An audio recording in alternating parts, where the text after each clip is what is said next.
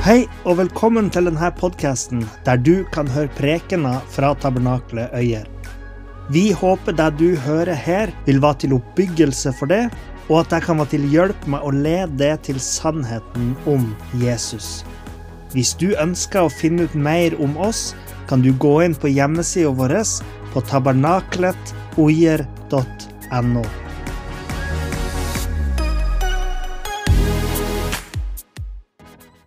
Kjære far, jeg takker deg for kvelden i kveld.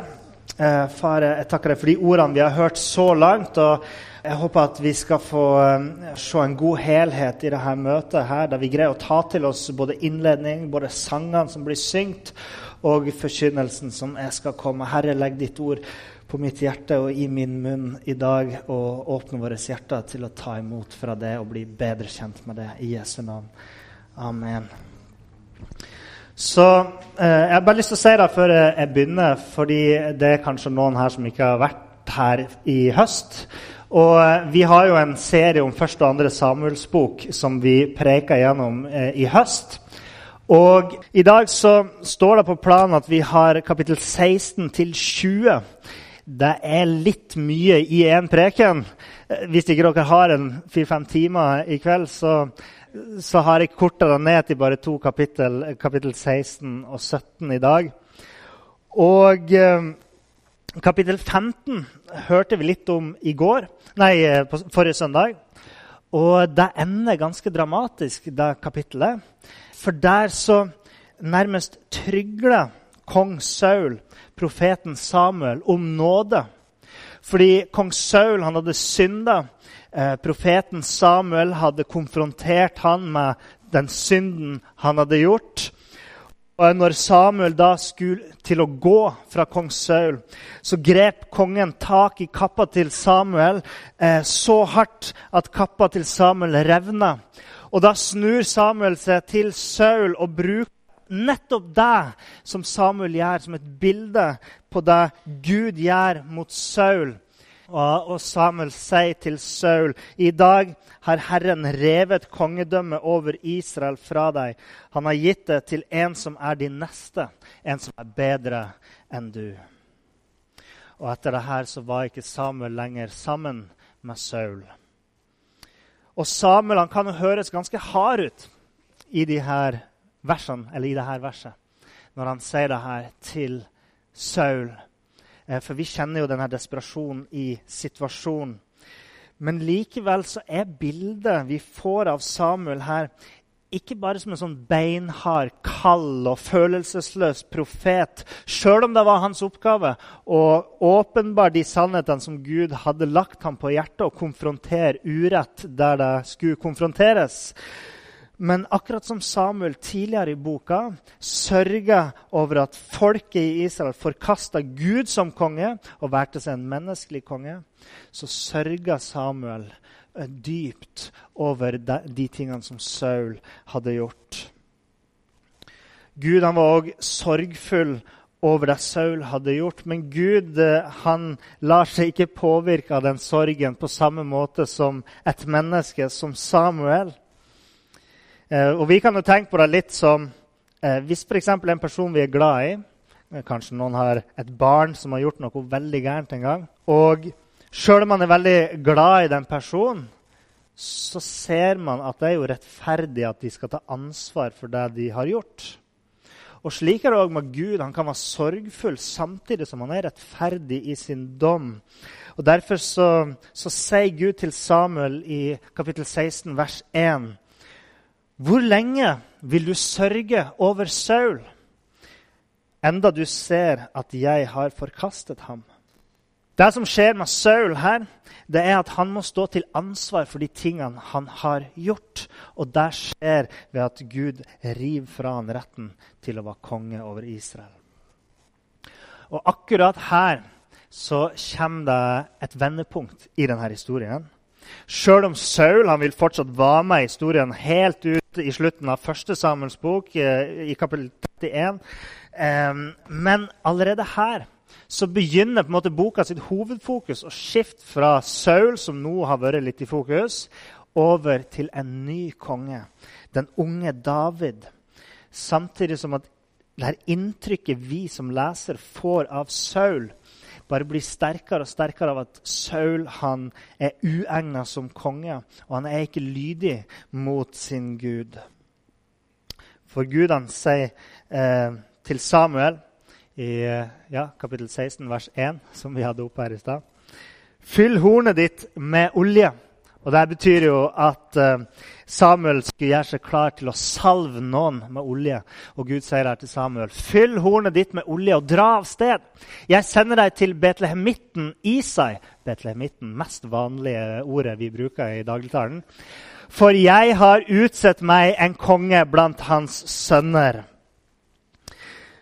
Samuel han trenger ikke lenger å gå rundt og være sorgfull. For dette betyr at Sauls forkastelse ikke, betyr ikke at, at, verden kommer til å gå under, eller at Israel kommer til å gå under. Det er ikke, eh, det er ikke sånn at Gud har vendt ryggen til sitt folk. Det betyr ikke at Gud har gitt opp sin plan og sin hensikt. Det betyr at Gud han vil gripe inn igjen. Og det betyr at Israel, at Gud vil vil føre Israel fra den nåtida de er i nå, til den framtida der han vil ha dem. Og tidligere i historien så lot Gud de få den kongen de ville ha. Gud han utpekte Saul som konge, sjøl om Gud visste at Saul kom til å feile. Men Gud utpekte han fordi det var den kongen folket ville ha. Det kommer fram i Samuel sin tale under innsettelsen av kong Saul. Eh, der han sier i kapittel 12, vers 13, så sier Samuel.: Se nå, her har dere den kongen dere har valgt, og som dere ba om. Det er som å si her er det dere har bedt om, det her er det dere har fortjent. Men nå er det Guds tur til å være den konge en som var bedre enn Saul. For nå så sier Gud i neste vers For jeg har utsett meg en konge. Framtida er trygg i Guds hånd, for han vil sørge for den kongen som Israel trenger, ikke den de vil ha. Og Samuel eh, går jo da til Betlehem og til betlehemitten seg, for å finne denne personen som var Guds valg, Guds utvalgte. Og Der så ser Samuel en staut kar. Eliab, Isais eldste sønn. Og Samuel tenkte for seg sjøl denne staute karen, her har vi jammen Guds utvalgte. sant? Jeg ser for meg sånn, Han kom inn døra der. 'Å ja, se her hva Gud har valgt ut! Så flott en fyr!' Og Derfor så sier han eh, Samuel i vers 6 Sannelig, rett framfor Herren står han salvede. Jeg ser for meg Det var liksom første han så. var sånn, ah, ja, her er så her. Men Gud sier til Samuel i neste vers.: Se ikke på utseendet hans eller på hans kraftige skikkelse. For Herren ser ikke slik mennesker ser. For, et, for mennesket ser på det ytre, men Herren ser til hjertet. Og Dette er et viktig vers, for det lærer oss noe veldig viktig. For det første så, så er det jo det at uh, Legg merke til at Gud sier her at han har forkasta Eliab. Jeg har forkastet ham. Og Det høres i hvert fall i mine ører ganske strengt ut, for dette er første gang vi hører om Eliab i historien. Men dette verset minner oss på at uh, Gud har forkasta Saul. Fordi Saul representerte menneskens valg, og menneskene de valgte Saul nettopp fordi de så på utseendet. Så for oss så blir dette nok en påminnelse på at ja, selvsagt, Gud ser jo ikke på deg. Det var jo det israelittene så på. Det kan ikke Samuel se på. Dere vet, Vi mennesker har så lett for å se på det ytre, det som ser vakkert ut, det som, det som er mektig, det som er kraftfullt det som er rørende, det som er edelt, det som er verdifullt i våre øyne. Alle slags ting som er, ser verdifullt ut for oss. Men det viser seg at sånne ting er slett ikke alltid det beste for oss. Det var jo sånn synden kom inn i verden. Visste dere det? Det står i 1. Mosebok kapittel 3 vers 6. Eh, da kvinnen så at treet var godt, å ete av. og at det var en lyst for øynene og et tre til begjær, siden det kunne gi forstand, tok hun av frukten og åt. Hun ga også til sin mann som var hos henne, og han åt. Da ble øynene åpnet på dem begge, og de skjønte at de var nakne. Frukten frister de med sitt ytre og med sin gode smak, men det skjulte ei åndelig dør som åpna opp for døden og for skammen, for de skjønte at de var naken. Å være det som er best for oss, er ikke alltid å se på det ytre, selv om det er ofte vanskelig for oss å se til det indre. Dere vet Hvis en bedrift eller firma skal finnes en ny ansatt, så ser de jo ikke bare på bilder av en person. heldigvis. Skal ansette en ny lege, og så 'Han så bra ut. Vi tar han.' Nei, de ser jo på dokumentasjon om hvor du har jobba før. Og de ser på dokumentasjon som dokumenterer hvilken faglig kompetanse du har. Og de intervjuer personen, så de får møtt deg ansikt til ansikt. Eh, og de får høre seg med tidligere arbeidsgivere. Fordi det er ikke sikkert de kan stole på intervjuet med det. Så de ringer til den forrige sjefen din og sier møtte han opp tidsnok. Hvordan var han her karen? Og til og med da så kan det være litt vanskelig å velge den riktige personen til jobben. Men Gud han ser til hjertet. Han er ikke sånn som oss, som er avhengig av å vurdere det man ser utenpå. Fordi Gud han kan se våre innerste tanker. Han kan se vår virkelige karakter. Det nytter ikke å skjule noen ting for han. Og i hver situasjon så kan vi stole på at Gud vet best. Og Derfor så skjønner Samuel at OK her er jeg bare nødt til å stole på Herrens valg, for jeg kan ikke se det som er inni folk. Jeg kan, jeg kan ikke se hva Gud vil ha. Så sju av sønnene til Isai kommer inn og blir forkasta av Samuel. Ingen blir utvalgt. Og til slutt så må de tilkalle den yngste av de alle, den minste av brødrene. Tilkalle han fra eh, gjetermarka. Og når han kommer hjem, så sier Gud til Samuel Stå opp og salv ham, for han er det. Det var den unge David. Gud valgte den minste av sønnene til Isai. Men David var bare en ungdom. Sant? Den yngste av dem. Og ikke nok med det, men han var òg en hyrde. Og en hyrde var jo slett ikke kongemateriale. Men hvis vi husker tilbake på Hanna sin lovsang. Husker dere, Jeg fortalte i begynnelsen av serien. Hanna sin lovsang i kapittel 2 en profetisk tale som legger føringer for alle hendelsene som skjer i Samuelsboka. Det er som en introduksjon. Og Hvis vi ser tilbake til vers 7 og 8 i kapittel 2, så sa Hanna Herren gjør fattig og rik. Han fornedrer og opphøyer. Han reiser den fattige opp fra støvet og løfter tiggeren fra askehaugen for å sette dem blant fyrster og la dem arve herlighetens trone. Hans lovsang. Det er herlig, og det er akkurat det Gud gjør her. Herren tar det som i menneskelige øyne er minst av alt, eh, og ser til hjertet hans og utvelger han til å bli Israels framtidige konge. Gud ser det vi ikke ser. Han kan se til vårt hjerte og kjenne vårt indre. For Gud så er ydmykhet større enn utvendig styrke.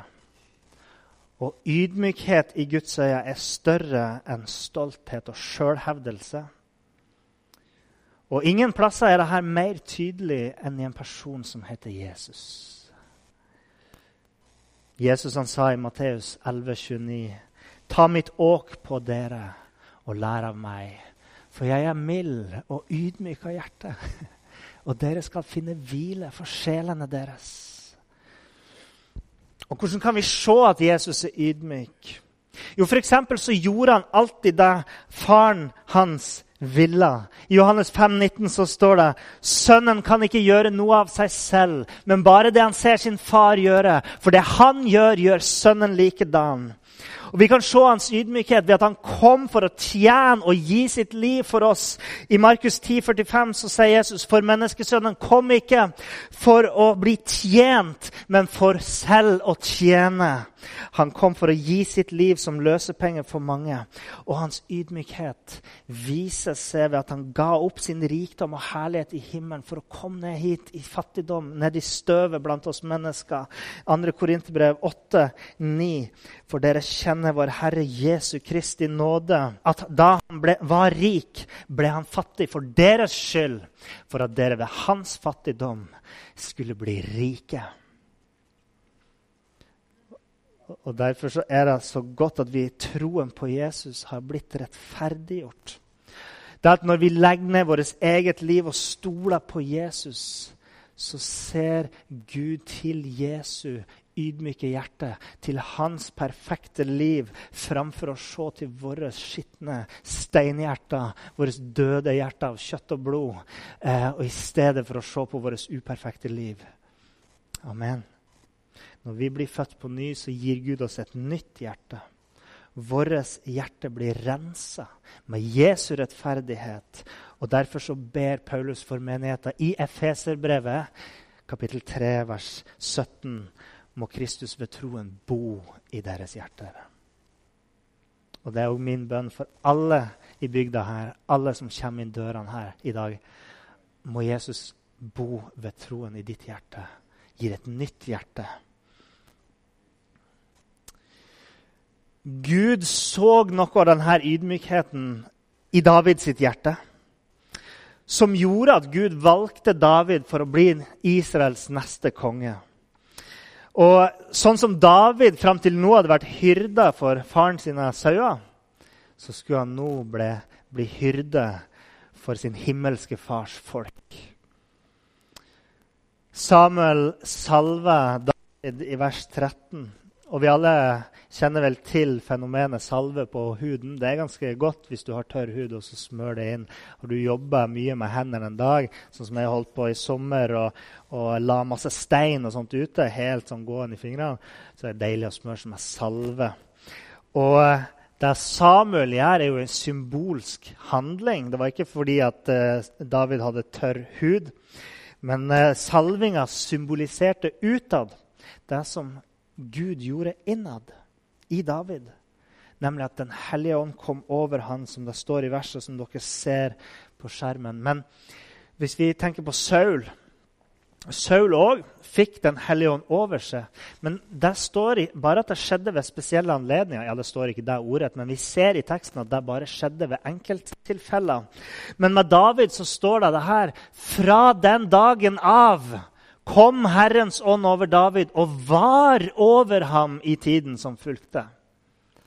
Det var en spesiell salvelse som David fikk. David hadde altså en vedvarende salvelse av Den hellige ånd. Og så i neste vers så kommer motstykket. Mens Herrens ånd vek bort fra Saul, som det står i vers 14. Herrens ånd vek bort fra Saul, og en ond ånd fra Herren plaget ham. Forfatteren vil sette opp de her kontrastene mot hverandre. Hvordan David fikk en spesiell salvelse, og, og, og Gud trakk seg vekk fra Saul. Gud han hadde forkasta Saul, og han ville at det skulle bli tydelig, både for Saul sjøl og for folket. Og Det som skjer da, er jo at Gud tillater at en ond ånd kommer over Saul. Og det er jo ikke Guds ånd som kommer over han, men Gud har tatt bort sin ånd, tatt bort sin beskyttelse fra Saul, som da er åpna opp for at onde ånder kunne angripe han. Og Det eneste som hjalp for Saul, var at David kom med harpa si og spilte for han. Fordi David hadde Guds ånd med seg, og David var til stede, og han spilte for Saul. Og da fikk Saul sinnsro. Det står i, i, vers 23.: Slik skjedde det hver gang ånden fra Gud, og det var ikke Den hellige ånd, det var en ond ånd, kom over Saul, at David tok harpen og spilte på den. Da ble det bedre med Saul, og det gjorde ham godt, og den onde ånden vek fra ham. Vet dere, når, når David spilte fordi han hadde Den hellige ånd, så ble hans harpespill som en salve. Saul. Og Jeg skal ikke lage et stort poeng ut av det her, men det her illustrerer på en måte hvordan en åndsfylt troende både kan gi overnaturlig trøst til andre som går gjennom tunge ting, men at vi òg nærmest med vårt nærvær kan drive bort onde ånder fordi Den hellige ånd bor i oss. Og så kommer vi til der David møter Goliat fra Gat. Fordi I kapittel 17 så kommer vi jo til en av de aller mest kjente historiene i Bibelen, nemlig David og Goliat. Eh, jeg blir veldig overraska hvis du ikke har hørt om det her, men hvis du ikke har hørt om det, så får du i hvert fall høre om det nå. Uh, og her er det igjen krig med filistrene. Og denne gangen så har de òg møtt opp med en diger mann, krigeren Goliat fra Gat. Og han var nesten tre meter høy. står det. Han hadde en, en brynje som var 57 kilo, og bare spissen på spydet hans var 7 kilo tung. Det er ikke veldig vanlig i Bibelen at de beskriver utrustninga og vekten på rustninga til folk i Bibelen, men her så gjør de det fordi at uh, Goliat var sannsynligvis en formidabel skikkelse, et imponerende og fryktinngytende syn på slagmarka. Tre meter. Når jeg er sånn, så er det ca. 2,40. Tenk på det. Og Goliat utfordra israelittene til tvekamp, der den beste i Israel kunne komme fram og kjempe mot han. Og Goliat sa til de, kapittel 17, vers 8 og 9.: Velg dere ut en mann og la ham komme ned til meg. Hvis han er i stand til å drepe meg, skal vi være deres slaver. Men hvis jeg vinner over ham og dreper ham, skal dere være våre slaver og tjene oss. Og sånn gjorde Goliat morgen og kveld i 40 dager og hånte israelittene. Men ingen av dem turte å stille opp mot Goliat. I vers 24 så står det nettopp det. Alle Israels menn flyktet da de fikk se denne mannen. De rømte bort fra ham og var meget redde. Så situasjonen var helt låst. Her står de to hærer mot hverandre. Det hele kan avgjøres ved å slå den ene filisten ved deres egen innrømmelse. Goliat har sagt at slår du med, så slår du oss. Men ingen turte. Akkurat som Israel pga. sin mangel på lydighet til Gud og pga. deres frykt for kanonerene ikke turte å gå inn i Israel, så ble de nødt til å vente i ørkenen i 40 år så står de her framfor filisterne, og ingen av de tør å stole på Gud. Ingen av de har tillit til at han kan hjelpe dem. Og Derfor så blir de stående der i stillstand i 40 dager. Dette var enda en test for israelittene, og enda en gang feila de testen. Men en dag så var den unge David i leiren og hørte at Goliat hånte Israel sin hær. Og David sa, 'Hvem i all verden er han her. Er det ingen som kan ta denne utfordringa? I vers 26 så sier han, 'For hvem er denne uomskårne filisteren?' David han sier det her veldig nedlatende, denne uomskårne filisteren. At han håner fylkingene, håner hæren til den levende Gud. Hvem var liksom Goliat, som skulle håne Guds folk? Med andre ord David delte ikke den frykten som de andre israelittene hadde. Og Storebroren til David, Eliab, som vi hørte om i stad, han ble sikkert både flau, skamfull og sint av det her som David kom og lira av seg, som vi nordlendinger sier. Eh, Pga. hans tilsynelatende overmot. For på en måte så kunne jo David oppfattes som utrolig eh, frekk og ja, hva skal man si, altså, frekk mot hele hæren deres. fordi indirekte så sa jo David at hvorfor i all verden er dere redd for Goliat? Som at det ikke var noen grunn. Ok, Så, så se for dere her, Jeg har ikke vært i militæret engang. At jeg hadde reist ned til et krigsområde og kommet og sagt det her er vel ikke noe å være redd for. Hvordan tror dere soldatene hadde sett på meg da? Kanskje de hadde slått meg rett i fleisen? vet du? Så Sånn var det jo det David egentlig sa her. Men uansett så synes ikke David at dette var noe å være redd for. Så han melder seg frivillig til å gå til kamp mot Goliat. David går fram som Israels representant framfor fiendene deres. Saul Kong Saul trodde ikke det her kom til å være noe vits. Sam, nei, David var jo bare en ungdom. sant? Og akkurat da Saul, den reaksjonen hans er jo ikke helt ukjent for oss, sikkert. Jeg tenkte på en opplevelse jeg hadde for noen dager siden, der jeg var i Saul sin rolle. Der Etter et strømbrudd så funka ikke Internett i huset vårt. Når vi gikk av Internett, så har vi ikke TV. Og når ungene da kom for å se på barne-TV på kvelden, da var barne-TV-tid. Det skal egentlig være kosetid, men uten barne-TV så blir barne-TV-tid krisetid. Så jeg gjorde det jeg kunne for å prøve å hjelpe. Og, og, og da sier eh, den lille jenta mi på tre år da ehm, Men pappa, kanskje jeg kan hjelpe deg? Og da måtte jeg nå være ærlig og si til at jeg tror kanskje ikke det. Kanskje jeg bare hadde mangel på tro at hun kunne ha redda situasjonen. Men i hvert fall så var jeg modig nok til å gå i tvekamp med hele internettet. Så, og jeg vant. Jeg vant. Vi fikk Internett og barne-TV. Kapittel 17, vers 34 og 35 eh, og 37. Men David sa til Saul, for Saul sa nei. Men David sa til Saul, din tjener har vært gjeter for sauene til sin far. Ok, ikke så imponerende, men Og da løven eller bjørnen kom og tok et lam fra flokken, for jeg etter den, slo den og fridde lammet fra gapet på den. Hvis den reiste seg mot meg, tok jeg den i ragget, slo den og drepte den. David fortsatte å tale. Herren som fridde meg ut fra løvens og bjørnens gap, han skal fri meg ut fra denne filisterens hånd. Da sa Saul til David, gå, og Herren skal være med deg. Han hørte dette vitnesbyrdet og ble overbevist med en gang. Du har rett. Herren var med deg.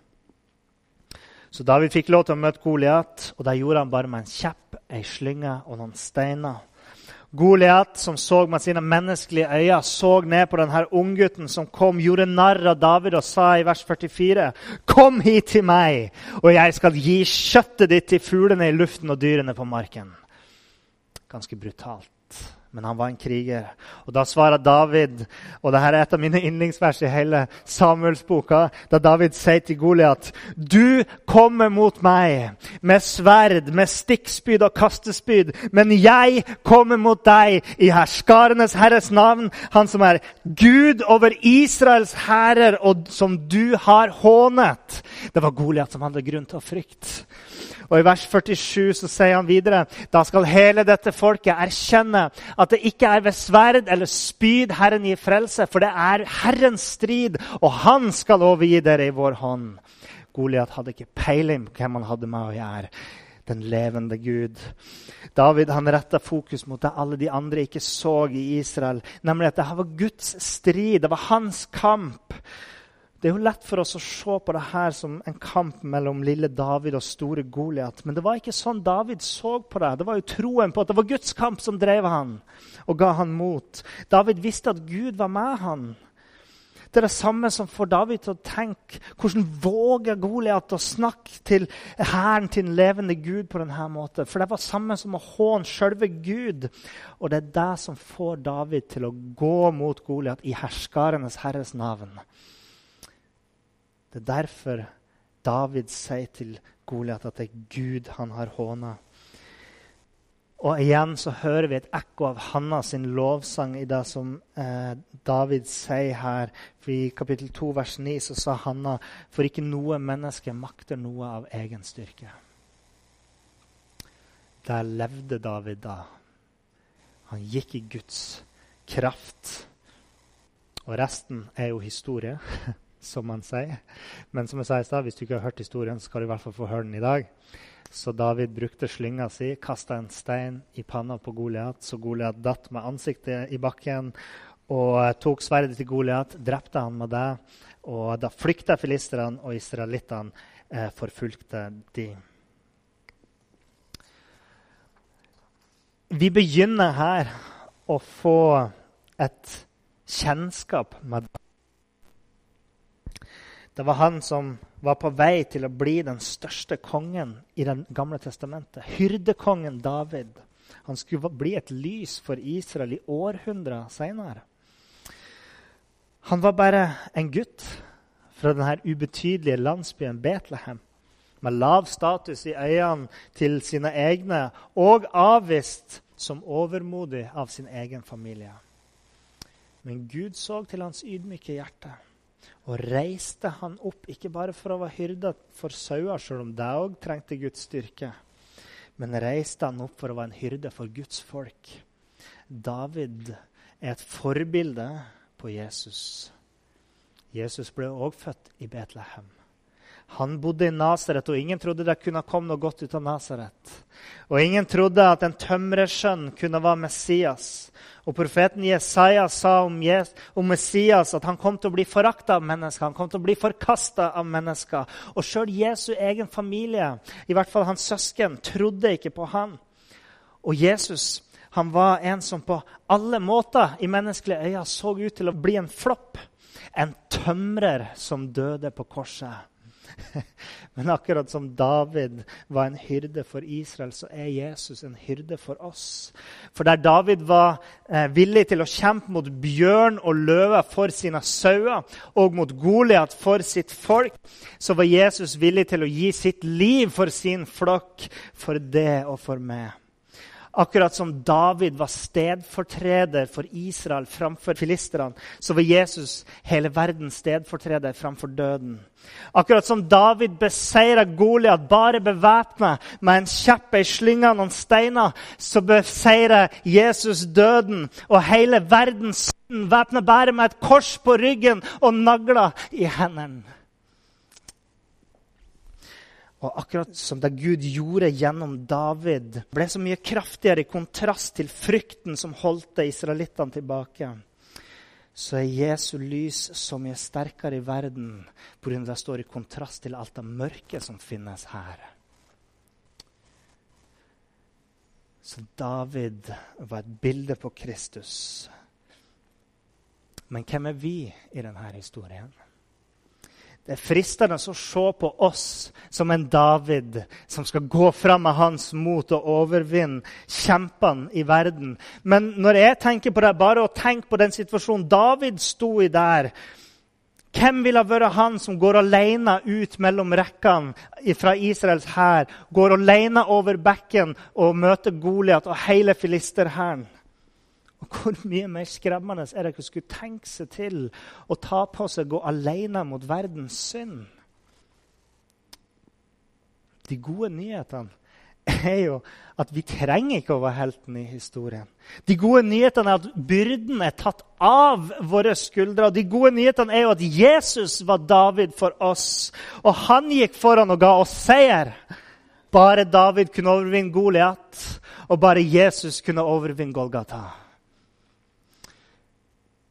Nei, vi er ikke David. Vi er som Israel. Ute av stand til å frelse oss sjøl, men avhengig av en frelser som vil gå i våre sted. Men fordi vi er som Israel, så skal vi huske at krigen fortsatte etter at Goliat var beseira. Men de trengte David til å, å gjøre det han gjorde, for at de skulle bli satt i stand til å gå til kamp. På samme måte så trenger vi at Jesus døde for våre synd og skyld, sånn at vi kan bli satt i stand til å ta imot Den hellige ånd og til å ta opp vårt kors og la Jesus kjempe mot synden i vårt liv. For hva er din synd? Hva er din godlighet? Kanskje har du blitt holdt nede for ei tid. Jeg kjenner ikke alle som er her inne. Men du trenger ikke å være redd lenger. Goliat er død i troen på Jesus.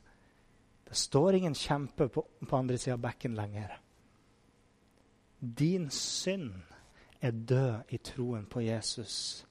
Dødens makt er brutt hvis du setter din tillit til Han. Alle onde tanker, alle onde åndshærer eh, flykter ved lyden av Jesu navn. Og Derfor skal du frimodig reise deg opp og si til synden, til skammen, til sykdommen, til fremmede åndsmakter Du kommer mot meg med sverd, med stikkspyd, med kastespyd.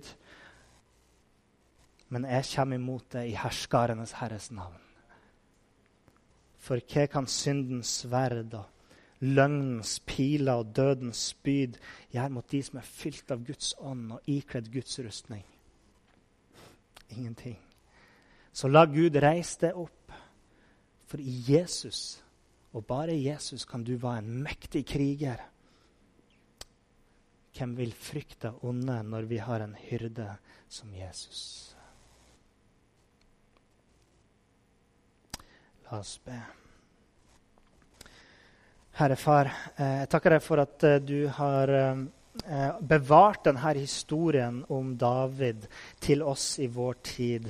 At vi kan få lov til å komme her, og så ser vi Jesus så tydelig i de her eldgamle historiene. Det viser hvordan hele historien ligger i din hånd, Herre.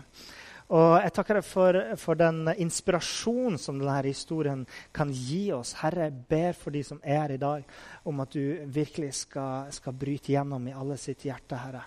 Vi ber om at du bryter ned alle festningsverk som holder mennesker igjen fra å ta imot det. Eh, og, og, la folk kjenne din kjærlighet og opp, oppdage din kjærlighet som er åpenbart for oss i ditt ord, Jesus Kristus.